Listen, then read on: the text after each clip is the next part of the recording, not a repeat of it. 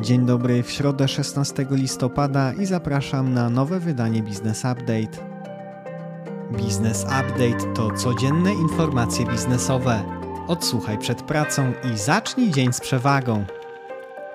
We wtorek WIG20 rósł trzecią sesję z rzędu, tym razem o 1,5% do 1769,5 punkta.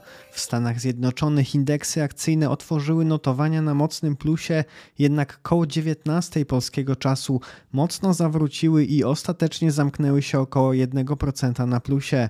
Taki obrót sprawy zbiegł się z informacją o upadku dwóch rakiet na terytorium Polski. Podobnie kurs złotego umacniał się do godziny 19, po czym załamał się tracąc 10 groszy do dolara. Na koniec dnia para złoty dolar wróciła do stanu z poprzedniego dnia. Gospodarka i makroekonomia. We wtorek koło godziny 19 czasu polskiego we wsi przewodowo przy granicy z Ukrainą spadły dwie rakiety, które zabiły dwie osoby. Na moment publikacji tego wydania reakcja Polski i NATO nie jest jeszcze znana. GUS poinformował, że w trzecim kwartale polskie PKB urosło o 3,5% rok do roku wobec 5,8% w drugim kwartale i 8,6% w pierwszym. To znacznie lepsze dane niż oczekiwane przez analityków NBP w opublikowanych kilka dni temu prognozach makroekonomicznych. Dyrektor Departamentu Innowacji i Polityki Przemysłowej Marlena Tryka poinformowała, że Ministerstwo Rozwoju i Technologii przygotowuje program rekompensat dla producentów cementu ze względu na gwałtowny wzrost cen energii. Program ma w tym tygodniu zostać przekazany do notyfikacji Komisji Europejskiej, która dołączyła przemysł cementowy do sektorów uprawnionych do rekompensat. Wiadomości z Unii Europejskiej w poprzednim tygodniu we Francji uchwalono prawo, zgodnie z którym na parkingach, które mają od 80 do 400 miejsc, obowiązkowy będzie montaż fotowoltaiki. Ma to pomóc w ograniczeniu zjawiska miejskiej wyspy ciepła. Parkingi te, począwszy od 1 stycznia przyszłego roku, będą miały 5 lat, aby dostosować się do nowych przepisów. Dzięki nowym regulacjom możliwe będzie wygenerowanie nawet 11 GW mocy odnawialnych. Wiadomości ze świata prezydent Joe Biden spotkał się z chińskim przywódcą Xi Jinpingiem na Bali, gdzie odbywa się szczyt G20. To pierwsze bezpośrednie spotkanie przywódców od czasu, gdy Joe Biden objął urząd prezydenta Stanów Zjednoczonych. Trwająca trzy godziny rozmowa dotyczyła m.in. wojny na Ukrainie, napięć między Chinami i Tajwanem, a także prób nuklearnych Korei Północnej. W związku z rosnącymi wyzwaniami gospodarczymi OPEC ponownie obniża prognozę wzrostu popytu na ropę. To już piąta obniżka od kwietnia bieżącego roku. Październikowa produkcja OPEC spadła o 210 tysięcy baryłek dziennie, przekraczając obiecane cięcia. Informacje biznesowe. Twórca e-obuwie Marcin Grzymkowski zamierza rozwinąć multibrandowy e-sklep z odzieżą i sprzętem Sportano. Pierwszy sklep ma zostać otwarty 17 listopada w warszawskim Home Parku Targówek. Sklep oferował będzie przeszło 50 tysięcy produktów, ponad 600 marek, a klienci będą mogli korzystać z 55 stanowisk z tabletami. Ma to być najnowocześniejszy sklep sportowy w tej części Europy. Fundusz Syrena Real Estate kupił dom zbudowany przez Dantex z mieszkaniami pod wynajem instytucjonalny w Warszawie. W Polsce fundusze najczęściej kupują mieszkania na etapie projektu deweloperskiego, dlatego transakcja ta jest wyjątkiem, ponieważ wszystkie mieszkania są już wykończone, a do niektórych wprowadzają się najemcy.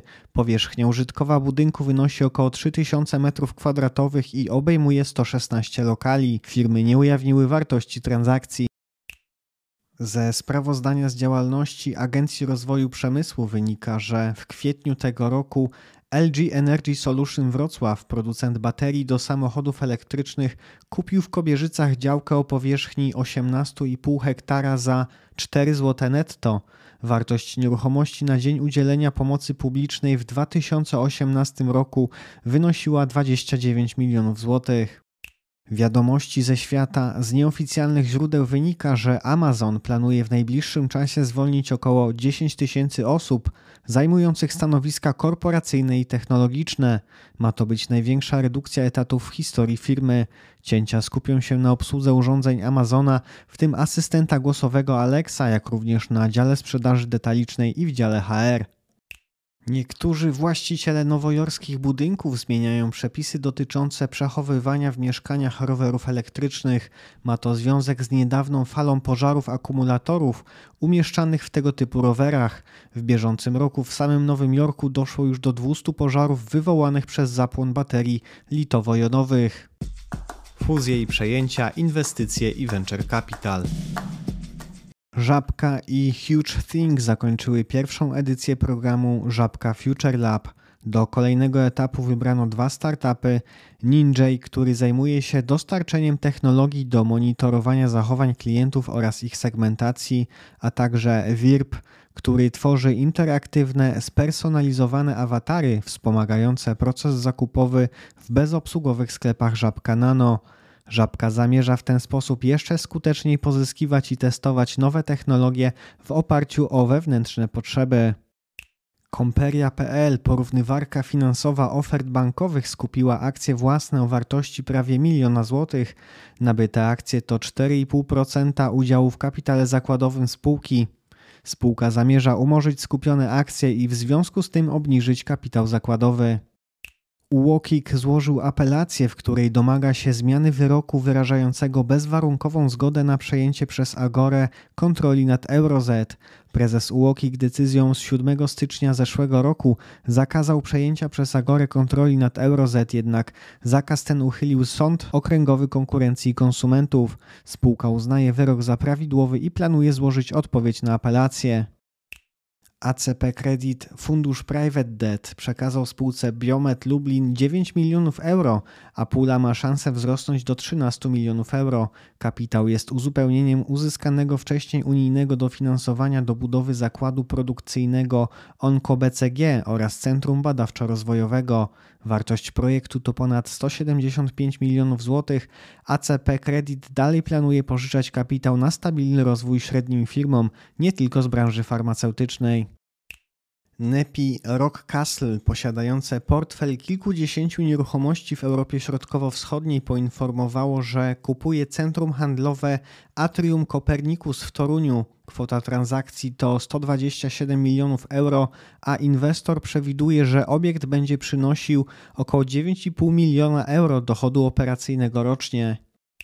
HubTech działający na rynku naturalnych kosmetyków zakłada, że na przełomie tego i przyszłego roku dojdzie do zmiany notowań akcji z rynku New Connect na rynek regulowany GPW. HubTech wciąż dąży do osiągnięcia kapitalizacji na poziomie 1 miliarda dolarów, jednak cel zostaje przesunięty na 2025 rok. W przyszłym roku grupa planuje wprowadzenie do obrotu na GPW akcji Invention Bio, spółki wchodzącej w skład grupy kapitałowej. Hiszpańska Heura, producent roślinnych zamienników mięsa, zebrał na ekspansję w Europie, w tym w Polsce, 20 milionów euro. Oprócz funduszu Venture Capital Junovis Asset Management wśród inwestorów znaleźli się znani sportowcy, gracz NBA Ricky Rubio oraz dwóch piłkarzy Barcelony Sergio Busquets i Sergi Roberto. W emisji crowdfundingowej w 12 godzin zebrano 4 miliony euro.